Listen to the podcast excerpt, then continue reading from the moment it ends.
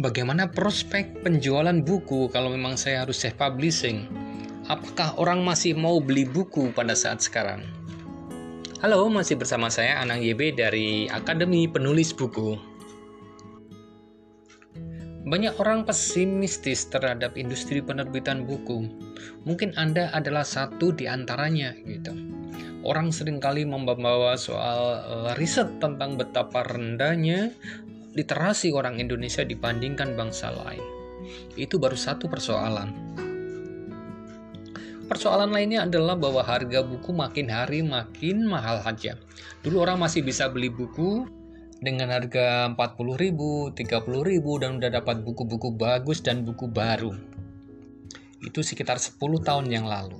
Sekarang harga buku bisa dua kali lipat dari itu, bahkan tiga kali lipat kita makin kesulitan mencari buku-buku bagus yang harganya di bawah 100 ribu. Mungkin urusan pajak dan harga kertas yang makin naik, kemudian biaya cetak juga makin naik. Persoalan pembajakan buku juga bisa jadi membuat penerbitan buku menjadi tidak secemerlang yang kita pikirkan. Mungkin penerbit semakin selektif atau mungkin beberapa penulis malah semakin mengurangi aktivitas menulisnya. Takut seperti yang saya alami juga, buku saya banyak dijual dalam versi bajakan di marketplace-marketplace Indonesia. Masa pandemi bisa juga kita kambing hitamkan untuk membuat bahwa prospek industri penerbitan buku makin hari makin suram. Banyak toko tutup. Bahkan banyak penerbit terpaksa mengurangi jatah penerbitan buku mereka dari yang semula mungkin 20 sampai 50 judul per bulan mungkin sekarang menjadi belasan saja atau bahkan kurang dari 10. Hal buruk lainnya adalah pandemi ini juga membuat orang semakin menempatkan pembelian buku sebagai sesuatu yang semakin tidak prioritas. Mungkin beli kuota internet jauh lebih penting daripada membeli buku. Mungkin belanja sayur jauh lebih penting daripada membeli buku. Baca buku pun akhirnya tergantikan dengan membaca ilmu di internet. Ada YouTube, ada sekian banyak kisah-kisah yang bisa mereka ambil untuk mereka dongengkan kepada putra-putri mereka.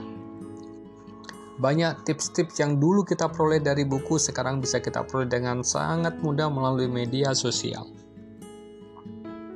Lantas, apakah dunia perbukuan akan mati dalam waktu dekat?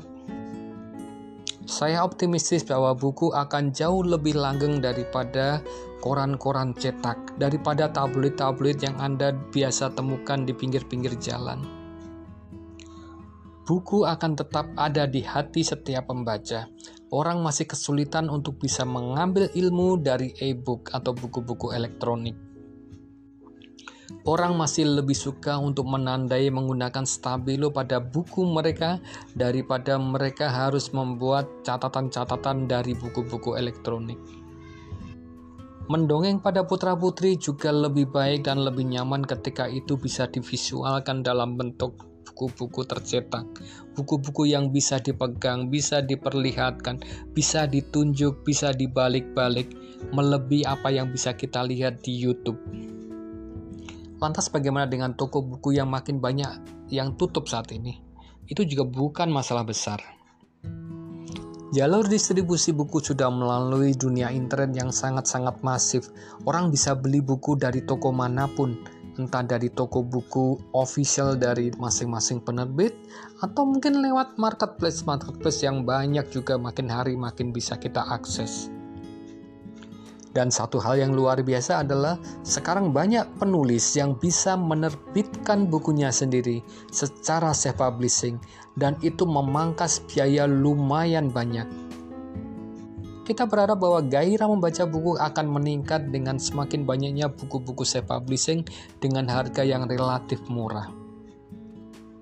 Mengapa buku self-publishing sebetulnya bisa dibuat lebih murah? Karena dia sangat ringkas, Jalur distribusinya sangat pendek, kemudian timnya pun jauh lebih ringkas. Tidak banyak orang terlibat di sana, tidak banyak institusi bermain di dalam sebuah penyaluran atau penerbitan sebuah buku. Dan di atas itu semua, Pemasaran buku-buku self publishing bisa dilakukan dengan sangat simpel, memanfaatkan teknologi internet. Seseorang bisa membuat akun media sosial, kemudian mempromosikan buku dia di sana. Dia bisa bikin video-video pendek semenit dua menit untuk mempromosikan itu. Dia bisa menjual juga di dalam komunitas-komunitas dia. Bahkan untuk promosi dia bisa buka IG Live, Facebook Live, ataupun dengan launching bersama-sama teman-teman sekomunitas. Dengan cara itu, orang bisa menjual buku lebih mudah, lebih cepat, lebih murah, dan bisa tahu siapa penulisnya. Karena marketing yang berbasiskan komunitas adalah marketing yang sangat simpel.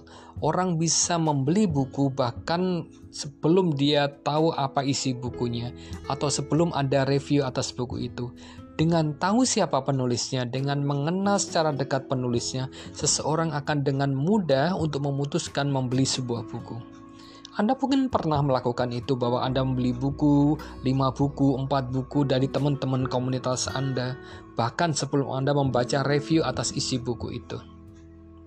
Ini yang saya bilang bahwa proses membeli buku menjadi jauh lebih mudah dan ini sesuatu yang revo revolusioner. Bandingkan dengan cara Anda membeli buku di toko buku. Anda akan berkeliling sekitar satu jam, membuka satu dua buku, kemudian berpindah lagi, buka lagi, sampai Anda betul-betul yakin bahwa buku itu baik. Tapi dengan sistem pemasaran yang simpel, yang berbasiskan komunitas, Anda bisa membeli buku, Anda bahkan sebaliknya bisa menjual buku pada orang-orang yang sudah Anda kenal. Maka, kalau ditanya bagaimana prospek penerbitan buku tahun 2021 dan ke depannya, saya yakin bahwa Anda, Anda pasti akan punya kesempatan besar untuk melakukan itu. Anda tidak harus mencetak 1000 atau 2000 buku untuk Anda pasarkan di komunitas.